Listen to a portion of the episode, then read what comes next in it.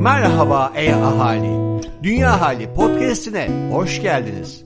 Burada sadece iklim krizinden değil, havadan, sudan da konuşuyoruz. Yuvamız, dünyamızdan bahsediyoruz. O zaman e hadi başlıyoruz. Merhaba Dünya Halisi, ben Ayşe Erenel Margosyan. Keyifli dinlemeler. Yolu Ege'de küçük bir sahil kasabasına düşen genç iş adamı burada tanıştığı balıkçının balık tutma becerisinden etkilenir ve merakla sorar. Ne kadar zamanını aldı bu kadar balığı tutmak? Egeli balıkçı kayağındaki tüm balıkları bir ya da iki saatte tuttuğunu söyler. Genç iş adamı şaşkınlıkla niye daha uzun kalıp daha çok balık tutmadığını sorar. Balıkçı halinden memnun bir şekilde cevap verir.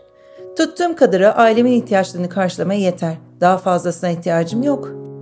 Peki günün geri kalanında ne yapıyorsun diye sorarken şaşkınlığı devam eder genç adamın. Uykum çok önemlidir beyim. Uykumu alınca biraz balık tutarım.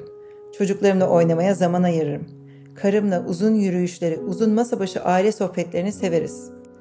Bazı akşamlar kitabımı okur, bazı akşamlar kasabaya inip şarabımı yudumlarken dostlarla keyifli zaman geçiririm. Oldukça dolu ve yoğun bir hayatım var diye cevap verir balıkçı.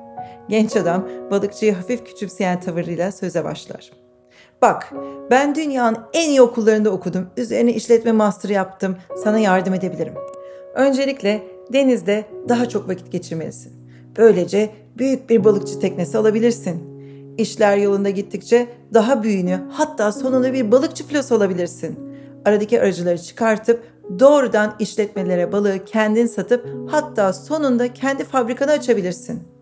Bütün üretim ve dağıtım senin kontrolünde olur. Tabi bu ufak kasabadan önce İzmir'e sonrasında İstanbul'a taşıman gerekecek. İstanbul'dan da tüm dünya pazarına açılabilirsin.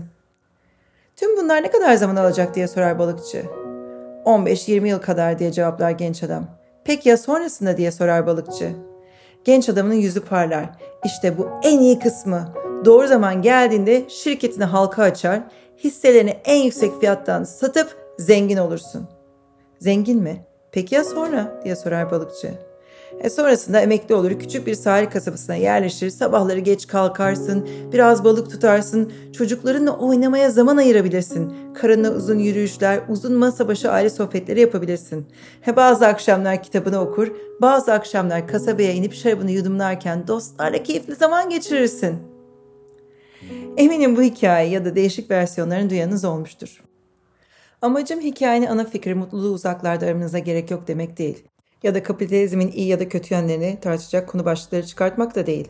Ya da daha çok kazanç uğruna denizdeki birçok yaşım ziyan olma pahasına sonlandırmaya gerek var mı gibi soruları sormak da değil. Bu hikayeyle başlamamın amacı niyetten bahsetmek aslında. Uzun yıllardır verdiğim yoga derslerime hep niyetle, öğrencilerimi de niyet etmeye davet ederek başlarım. Çünkü niyettir bize yol gösteren, ilham veren ve yüksek gayeye ulaşmamıza imkan veren.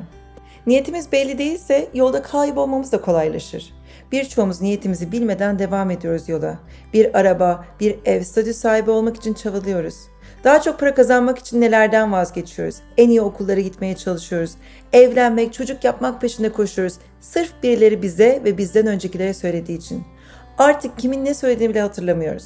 Eğer gerçekten niyetimiz bunlarsa bir sıkıntı yok zaten. Doğru yolda demektir. Ama dünya üzerinde bunca insan varken bu kadar kısıtlı olamaz niyetlerimiz. Kendimize gerçekten bir an tanısak, dursak ve düşünsek, benim yolum herkesle aynı mı diye düşünsek, belki göreceğiz hepimizin yolu farklı.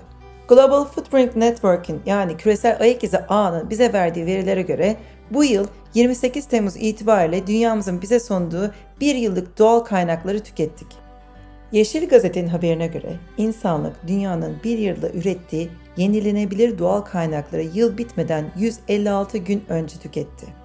Bugün her birimiz bir ABD vatandaşı gibi yaşasak 3,5 dünyaya, bir Avrupa vatandaşı gibi yaşasak 2,5 dünyaya, Türkiye vatandaşı gibi yaşarsak 1.7 dünyaya ihtiyacımız var. Çin'de yaşayan tüm vatandaşların niyetinin bir cep telefonu ya da bir araba sahibi olmak olduğunu düşünsenize. Bize mutluluk getireceğini sandığımız gerçeklik kaynaklarımızı hızla tüketmemize sebep olabilir. Niyeti iyi belirlemek lazım. Tolstoy şu sözleriyle belirlemiş niyetini. Ben çok şey gördüm geçirdim ve galiba mutluluk için neyin gerekli olduğunu buldum. ıssız köyümüzde sessiz, yalnız bir yaşam. Sonra faydalı bir çalışma, sonra dinlenme, doğa, kitap, müzik, yakınlık duyduğumuz bir insanı sevmek. İşte benim en çok hayal ettiğim mutluluk bu. Peki ya senin niyetin ne?